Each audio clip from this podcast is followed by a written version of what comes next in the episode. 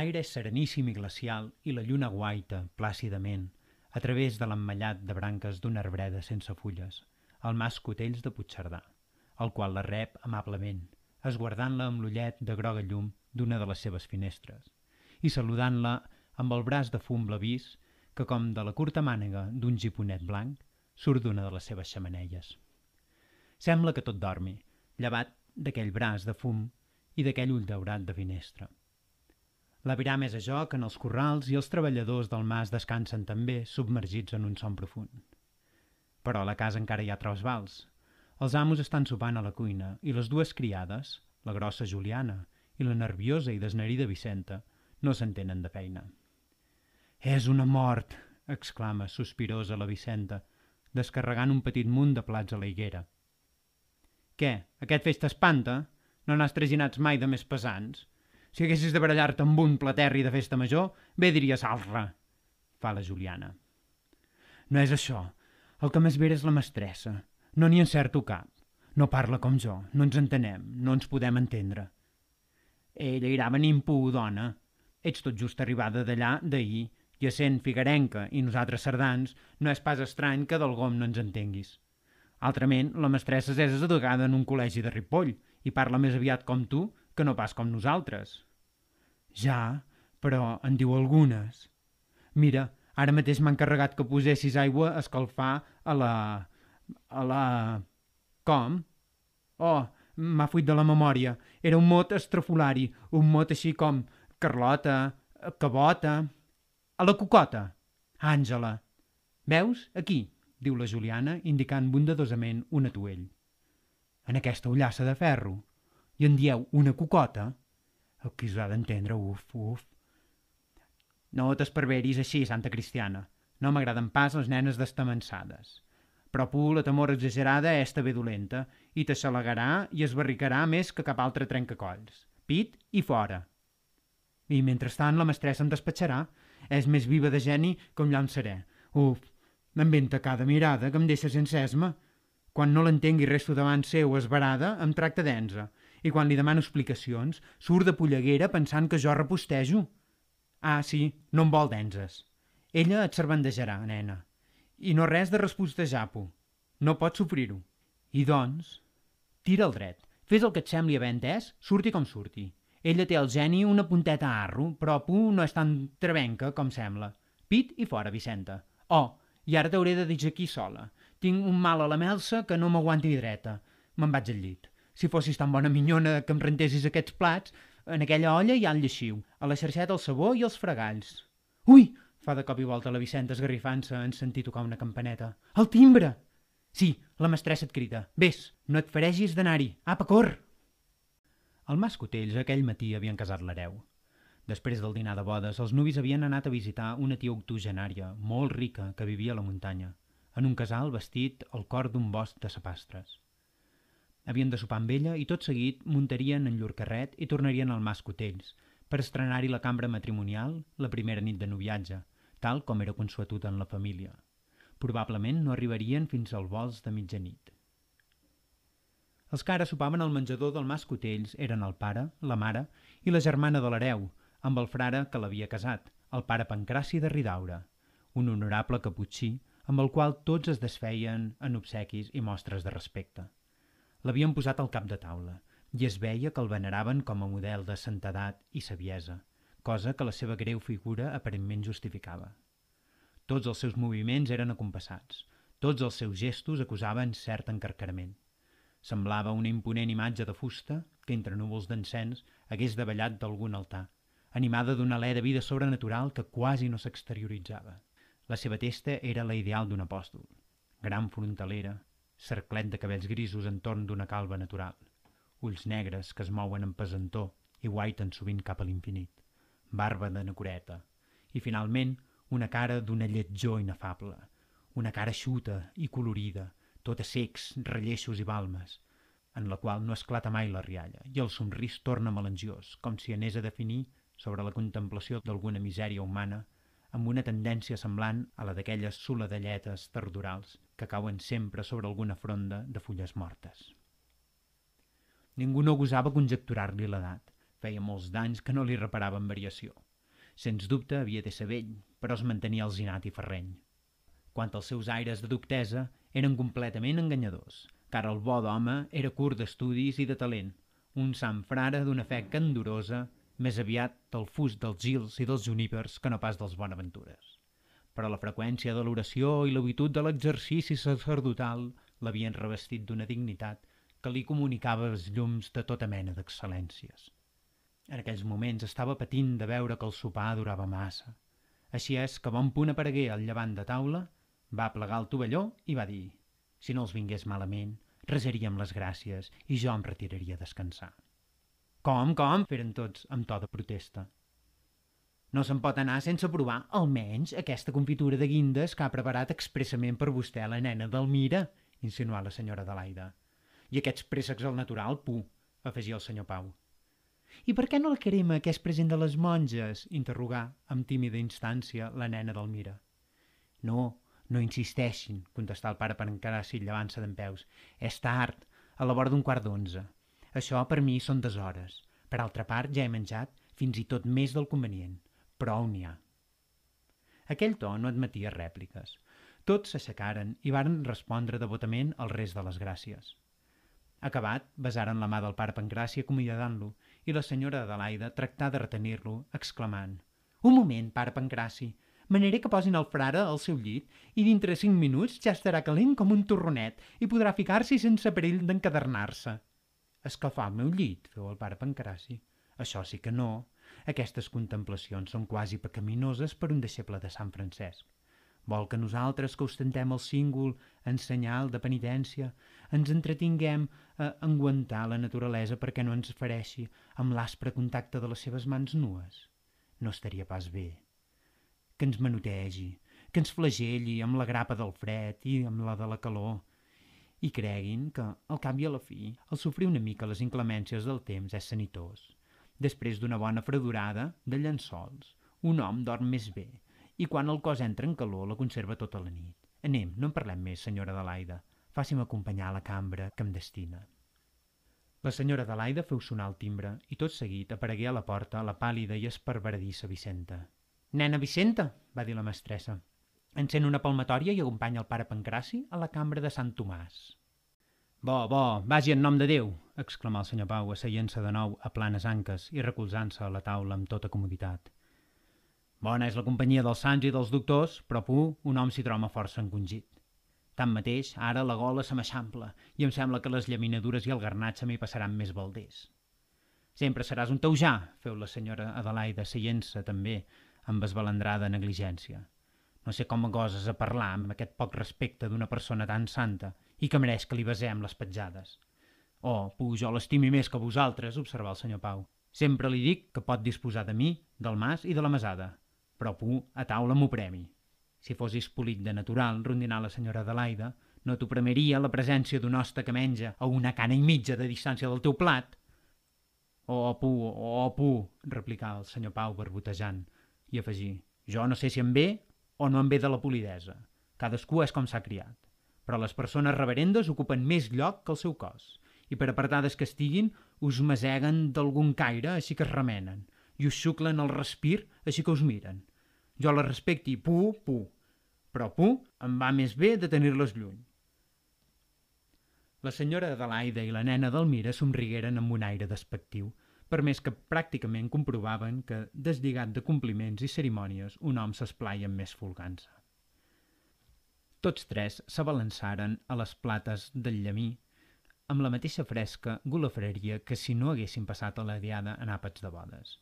Tenien una confiança il·limitada en el propi ventrell – Sabien que no desdiria de la sobrecàrrega, així com llur musculatura tampoc no desdeia en feines de què s'espantaven tal vegada braus jornalers.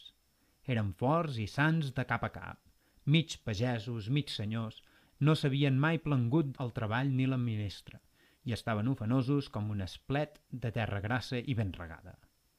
La nena del Mira era una minyona d'aquelles que la Cerdanya qualifiquen de possardes, massissa de carns, de costats ampulosos i de bust amatronat, digna filla d'un pare i una mare quasi tan amples com alts, grossos, sense flonjors ni obesitat, i frescos i pomposos encara als 50 anys.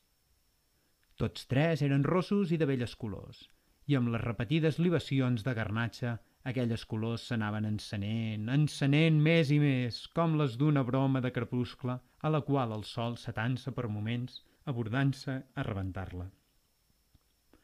L'enteniment se'ls havia emboirat una mica i llurs cors eren a manera de copes on l'alegria espurnejava a tall de xampany.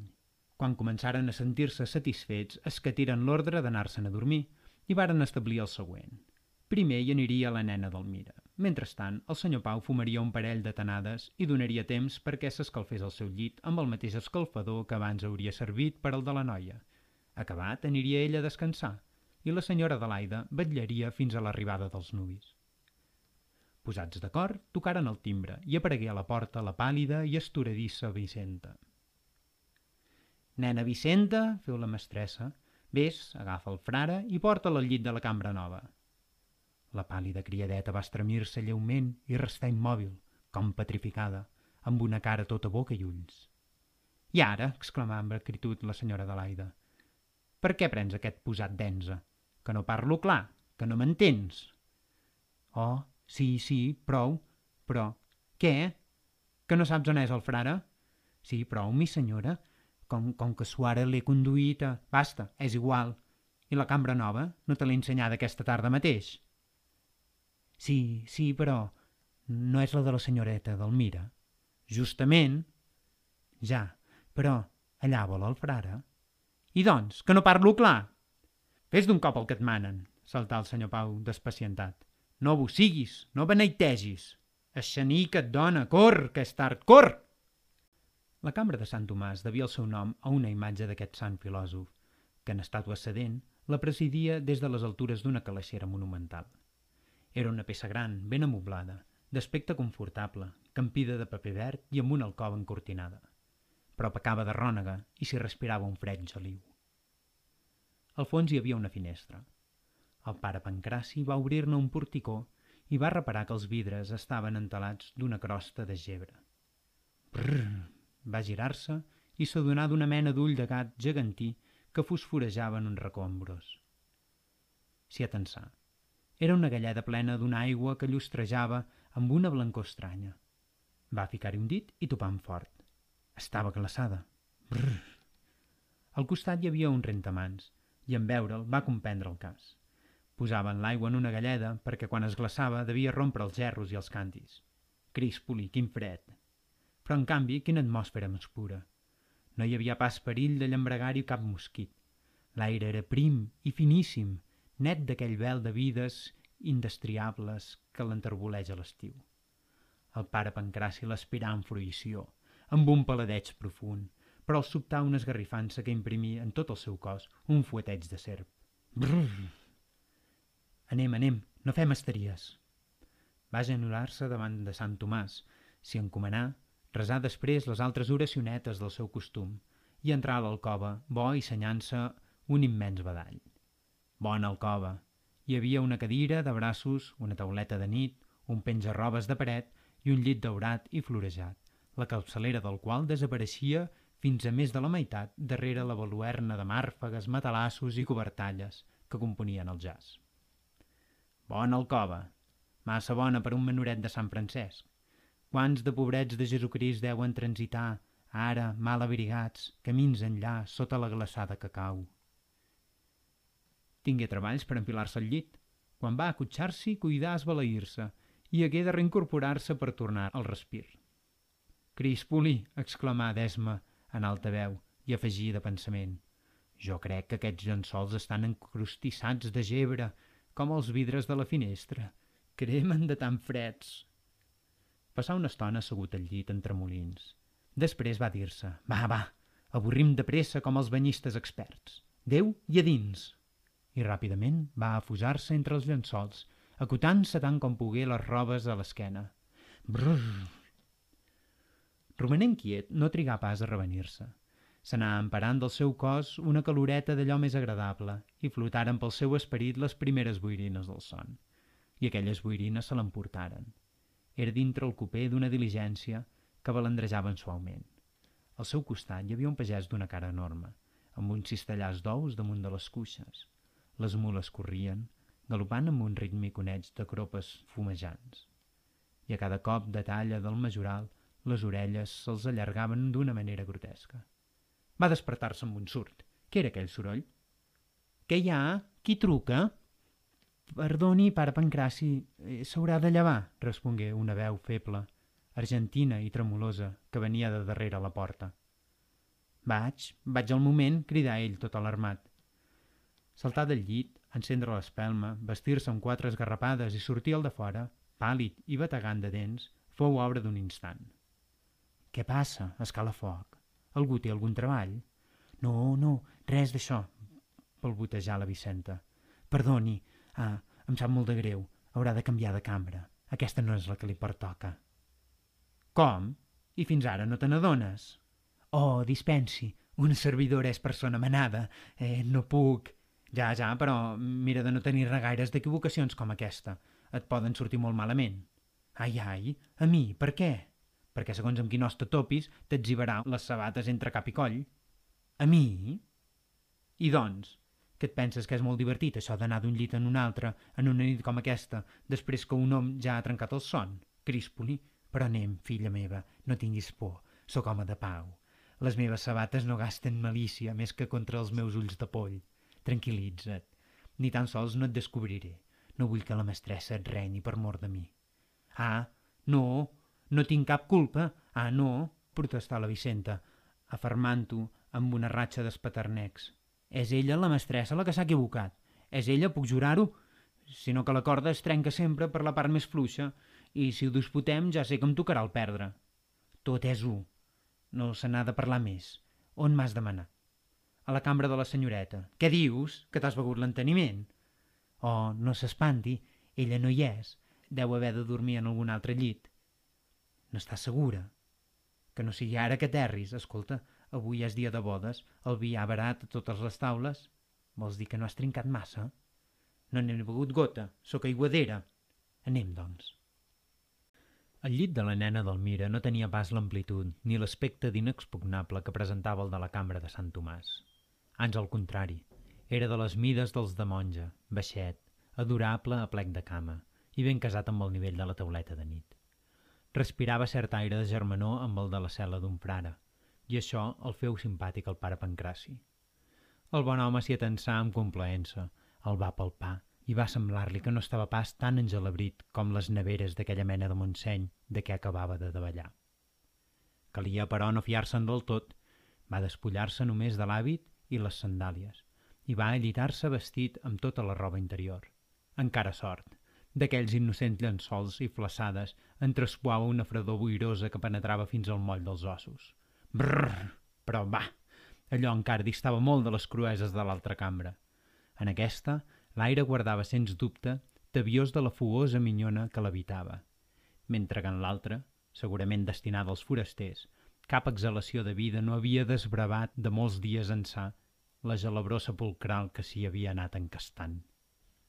Com que era fàcil apagar-la d'un buf des del llit, havia deixat encesa l'espelma, i ben acotxat fins al nas, anava guaitant d'ací i d'allà, tot fruint les confidències d'un soliloqui mental.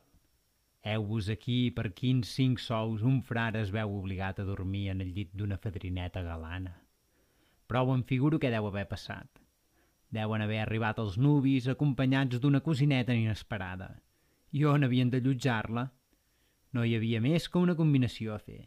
Que passés el frare al llitet de la noia i que la noia i la cosina dormissin juntes en el formidable tàlem de la cambra de Sant Tomàs. Una cosa així ha d'haver-se esdevingut. Ho estic veient. Lleu-vos-me aquí, trasmudat en una nina de 15 anys, que es guarda els objectes on els pardalets del seu cap s'agraden més de saltironar. Una tauleta lavabo amb redomes d'essència, pots de pomada, ferrets i pintes per enclenxinar-se i perfumar-se, un gran mirall per contemplar-hi la pròpia boniquesa. I allà, en el penjarrobes, faldellins de tut i colori, gipons de vellut de seda i xambergs amb cintes i flors. Pobra nineta, estic veient el núvol de records i d'il·lusions que els seus ulls ha de desprendre's d'aquestes galindaines. Un núvol bulliciosament animat de figures de dansaires, de músiques alegres, de llambreig d'ulls amorosos. Fum, tot fum, ombra, tot ombra, tot vanitat de vanitats. El cert és que aquest coixí sent una essència ben agradable. De què flaire? De rosa? De viola? De... Perdé el pensament en una fosca d'inconsciència de la qual, però, revingué tot seguit amb un petit surt. M'adormo. Les parpelles se m'acluquen totes soles i el cor se m'enfonsa dolçament en indefinibles vacuïtats. Bona nit, que Déu nos do! Va inclinar-se per apagar el llum i en aquell precís moment va sentir trucs a la porta. Ja hi tornem! Qui serà ara? Què voldran? Els trucs sonaren més fort. Llevis, llevis, pare Pancraci! Afanyis! Articulejar a través del pany de la porta la veu de la Vicenta. Altre cop. I per què? Afanyis, llevis, no estorbi!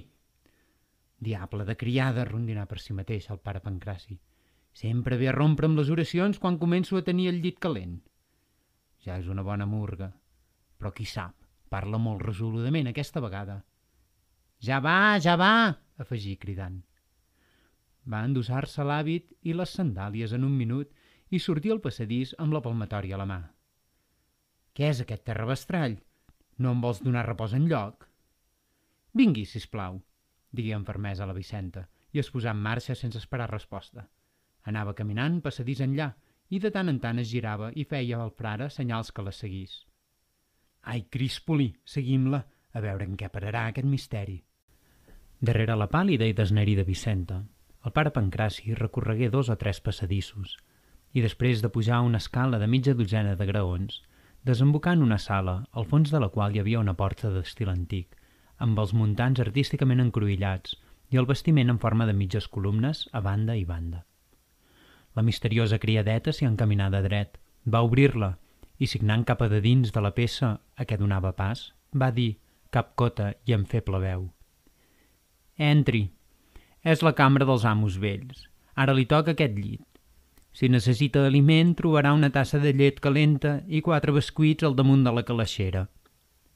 I per què em toca ara aquest llit? No em pregunti res. Vostè ho sap millor que una servidora. Jo? És clar, en això per força hi ha d'haver avinença de vostè amb els amos. En això? I què és això? No vulgui dissimular. Amb mi és inútil. No veu que hi he d'intervenir per força. La mestressa no s'ha pas amagat d'explicar-m'ho sense embuts. I què t'ha explicat? Home, la cosa, veurà. A mi em dolia per vostè i me n'he exclamat. Pobre frare, he dit.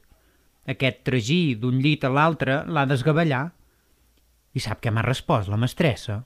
Diu, ets beneita o te'n fas? Per què vols que serveixi un frare si no per escalfar llits? Per això tenim el nostre. Comença d'ésser vell, però encara és fort. I mira, quan es malmeti, en farem venir un altre. Ai, valga'm Déu! Ja veu, doncs, que amb mi no valen papereries. El frare restà una estona mut, immòbil, amb el cervell paralitzat i la vida encantada. Les galtes se li havien esllenguit i el nas se li havia primat i allargat. És possible que em destinin a una tan vil explotació? Farfollar després, escorregudament. Ho toco i no me'n sé venir. Una família que sempre m'ha tractat amb tanta de consideració una gent que avui mateix m'ha posat al cap de la seva taula i m'ha servit els millors talls i els millors vins, obligant-me a menjar i a beure més del menester. Oh, no és estrany. Miri, quan m'han manat que la conduís al llit d'aquesta cambra, el senyor Bau, que és qui se n'ha d'aprofitar, m'ha advertit. Abans de portar-lo a dalt, palpa'l. I si no li trobs gaire ardència, dóna-li aliment. Comprèn. No volen que perdi la xardor. Així ho arreglen? Me'n faig creus. Repari quin refinament de vici. Els he sentits. Diuen que la calor del frare és més natural i duradora que la de l'escalfador d'aram. Són una gent que no s'estan de cap gust per car que els surti. I tu creus que troben frares que s'hi conformin? És molt antic, allò. Afarta'm i digue'm moro. Un frare pot pensar, afarta'm i no acabis. No comprens que un tracte tal seria indigne d'un religiós. O què sé jo, pare Pancraci? Feu la Vicenta, sacsejant les espatlles. Veig que vostè no hi entra en la conxorxa, això sí. però el mas Cotells no s'estrenen pas amb vostè. La cosa ja és molt antiga. I cregui que de frares consentits n'han trobat més de quatre. És molt estrany. I per què s'han de servir precisament d'un frare? No seria igual, hi ha duc millor, un galifardeu ben revingut, o una marcolfa de bones molses. Vagi a escatir aquestes golafreries. He sentit a dir que hi ha menys capellans. Els de Mascotells no arriben a tant, però els deu agradar de burlar-se'n. Jesús, Maria i Josep. I s'oferien escalfar el meu llit. Bon escalfament em preparaven. Què fem, doncs? Jo no m'hi aguantaré pas en aquesta casa d'Igunaus. I vostè? A mi m'han arreplegat. No mai més in secula seculorum. I què? Per què no els aborda? Per què no baixa a esvalutar-los? Et sembla que he de fer-ho? No es burlen de vostè? És clar. Hauré de protestar en que no sigui per l'honor de la meva ordre. Ah, sí, sí, sí, abordi-els fort. I vaig, i vaig. Els mouré una escandalera, m'han de sentir els sords. El bon frare va donar alguns passos i s'aturà repensant-se. No, no, no vaig bé, murmulà per a si mateix i tornar cap a on era la Vicenta. Amb dos s'esguardaren palplantats, cada un amb la seva palmatòria a la mà. Es desdiu de la batussa? Feu la criada. Sí, filla meva, me'n desdic. L'honor de la meva ordre no es fortifica amb l'escàndol, sinó amb la mansuetud. Què vols? Nosaltres dos, ara, som frares del convent del Mas Cotells, i els seus amos són els nostres superiors. Què ens cal si no obeir-los sense discutir-ne els manaments? Vull acomplir-los al gust i vagi la penitència en descàrrec dels meus pecats. De veres? I si resigna? Per què no? Si Jesús, essent innocent, va passar sense queixar-se d'Anàs a Caifàs, de Caifàs a Herodes, d'Herodes a Pilat i de Pilat al Calvari, bé puc jo, pecador, prendre paciència de passar aquesta nit de l'un llit a l'altre. Oh, oh! exclamà la Vicenta, fora de si, aixecant els braços nerviosament. Calla tu també, no t'esvalotis, no protestis. Estem davant un cas estrany que no comprenem. Sempre donarem un exemple més cristià amb la humilitat i la paciència que no pas amb l'urc i la insubordinació. Vaig escalfar el llit del senyor Pau. Estaré amatent a sortir-ne així que em truquis. Que la pau de Nostre Senyor t'acompanyi. Adeu. Va entrar al dormitori, es dirigí de dret al gran llit matrimonial i tot despullant-se recitar, per via de res, aquesta lliçoneta de Sant Francesc. Saps quina és la perfecta alegria? Figura't que venint de lluny, a la gola de la nit, moll de la pluja, cansat de la caminada i entumit de fred, arribes al convent i freturós d'entrar-hi truques a la porta i el porter es nega a obrir-te-la pretextant que no et coneix. I quan tu t'hi declares, t'insulta tractant-te de fascinerós i quan insisteixes surt a escometre't i a bastonades t'escalabra de cap a peus. Si tu, aleshores, no sents enuig ni malvolença, allò que hi haurà en el teu cor és la perfecta alegria. Va assenyar-se i s'allità sense escarafalls ni esgarrifances. Trobava un goig en la fredor. S'hi rebejava i que es dolia de no haver-ne més torment. Si allò no era res. Entre tants d'obsequis, aquell obsequi de penitència era el millor de tots els que li havien ofert els bons amics de Mascotells. Algun àngel els hauria inspirat. Què hi ha de millor que patir per vos, oh tendríssim Jesús? Estava ple d'un contentament inefable. Els tremolins li obrien els llavis al somrís i totes les seves idees eren candoroses i benignes. Somreien, somreien també, perquè, certament, havia penetrat en la seva ànima la perfecta alegria, aquella alegria blanca que es troba al fons de la vera abnegació cristiana i que torna el cor a un estat de primitiva innocència paradisíaca. Els nuvis estaven a punt d'arribar. La senyora Adelaida acabava de sentir, durant un moment, els escallarins de llur carret en una colzada del camí. Un so refilador, alegre i discret, com una fina rialleta d'aquella nit argentada. Venien, i ell els esperava amb una viva il·lusió, perquè havia guarnit llit i cambra nupcials amb garlandes de flors de paper, la cosa més gaia, i volia fruir de l'efecte que els causaria. Per altra part, se'n prometia confidències falagueres – com els hauria tractats l'octogenària i rica tia Honorina, aquella vella romàntica i estranyota que fins aleshores s'era desinteressada completament de la gent del Mas Cotells. Per què en el precís dia del casament havia enviat a cercar els nubis instant-los que sopessin amb ella? Voldria protegir-los? Se'n recordaria en el seu testament? Força que els convenia, amb el grat de l'oposició del senyor Pau i després de moltes detopades i dilacions, el nen Estebanet s'havia per fi casat amb la nena Berta, una senyoreta molt gentil i molt ben educada, però sense ombrir de tot. Filla d'un militar difunt, vivia d'una pensió d'orfanesa que havia d'extingir-se en la platja de les núpcies. No aportava, doncs, res a la casa. El pobre Estebanet se n'havia enamorat a les nues. Ah, tant al darrere que li havia anat la pubilla romualda de la mesada groga. Aquella placa n'era de rica. Aquesta placa hauria abocat a doll les unces d'or en la gaveta del senyor Pau. Què voleu? L'amor no s'entén de raons. I ben mirat, ja els vells ho deien, val més un gust que cent lliures. I ella, la senyora Adelaida, que el que desitjava era la felicitat del seu fill, l'havia ajudat decididament contra la ruïnesa del seu pare. I com no fer-ho si la nena Berta era un àngel? No tenia diners, però, com deia el pare Pancraci, aportava al matrimoni les tres mesades que poden més afavorir-lo. La boniquesa, la innocència i la pietat. Les altres coses Nostre Senyor les donaria de més a més. Uidà, ja són aquí! Els sento en el pati! Aquesta veu ronca és la d'en Lluari, que s'estan manant l'euga a la quadra. Vaig a rebre'ls, vaig a sortir-los al pas. Oh, els fills del meu cor! La senyora Adelaida va aixecar-se, però abans que hagués tingut temps de moure un peu, els nuvis entraren al menjador i s'abraçaren amb ella, besada per aquí, besada per allà. Quina gentil parella, la núvia paramentada de blanc, com si, de ses neus i de ses boires l'hagués vestida la fada de les congestes. Mostrava una cara calentona, que entre aquells arreus i bernencs retreia amb més vigor que mai glòries d'estiu i frescors de primavera. Tota dolçor, tota somrís, tota falagueria. No hi hauria pogut haver qui la veiés que no es decantés estimar-la. El nuvi era un gallard minyó que respirava salut, nobilitat i franquesa. Els ulls de l'un i de l'altre resplendien de felicitat. Llurs confidències vessaren a borbolls. La tia Honorina els havia rebuts com una mare. Oh, era una gran dona, una règia dama. Miri quin adreç m'ha regalat! Fills de Déu, quina meravella! Però no era pas l'adreç el principal obsequi que els havia fet. El principal havia sigut per al seu nebot, per al nen Estebanet.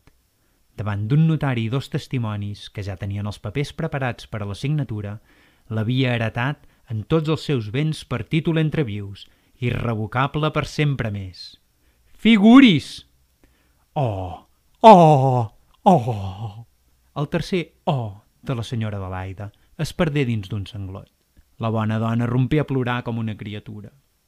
Fills de Déu, quina sort! pogué dir per fi. Ja ho deia el pare Pancraci, que les altres coses Nostre Senyor us les donaria de més a més.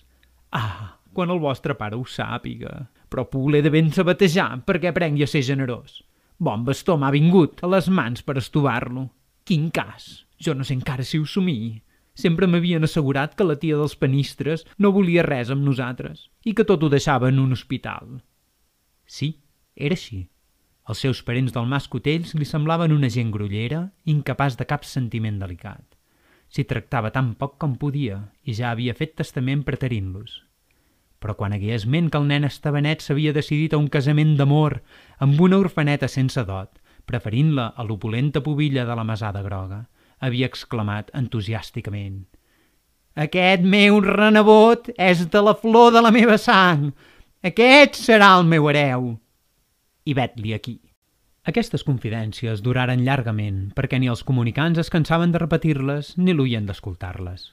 Eren a manera de pilotes que el nen Estebanet passava a la nena Berta i tornaven i retornaven de l'una a l'altra cent vegades. I encara que eren sempre les mateixes, oferien sempre un encant nou a la bona persona que s'interessava per aquell joc. La nit tombava matinada avall. Els galls romperen a cantar ací i allà pels corrals. Anem, fills meus, anem a la nona, va dir la senyora Adelaida. Els galls canten acomiadant-se de la lluna que es pon. Ha de ser tard. Fa molta d'estona que teniu el flar al llit i temo que se n'hagi apagat el foc i que l'haurem de renovar. Tots tres s'encaminaren a la cambra nupcial. Veureu que ben guarnida! N'empenyeren la porta. Estava tancada i no hi havia la clau al pany. Mentre foratejaven, comparegué la Vicenta, que els havia sentits pujar i havia acudit darrere d'ells. «Què has fet de la clau?» preguntà la mestressa. «És de la part de dins. Com és possible estar en la porta tancada en fort? Què t'hi has fet? No hi has entrat su ara mateix. No t'he manat que hi portessis el frare?» «Sí, mi senyora, el frare hi és». «Hi és?» «Doncs a veure, treu-le'n de la mateixa manera que li has entrat. A veure, treure'l. Oh, oh, truqui i es llevarà. Es llevarà, que t'empatolles, es llevarà, dius?» Sí, però caldrà trucar una mica fort perquè penso que s'haurà dormit. Adormit? Oh, és clar, el sant home, rendit d'haver escalfat els llits de la cambra de Sant Tomàs, de la senyoreta Delmira i del senyor Pau, després de tanta estona des aquí, no crec pas que s'hagi aguantat despert. Però de quin frare parles, desgraciada? Ah, ja, i de l'únic que hi ha a casa, del pare Pancraci. Reina Santíssima! La pobra criada no sabia que a Puigcerdà donen el nom de frare el conegut escalfador, que en la major part de les comarques de Catalunya és designat amb el nom de burro o de maridet. No cal ponderar l'horror amb què la senyora Adelaida comprengué el cas, horror que va créixer a manera que obtingué de la Vicenta més i més explicacions i més i més detalls. Els nuvis hagueren d'ocupar la cambra de Sant Tomàs.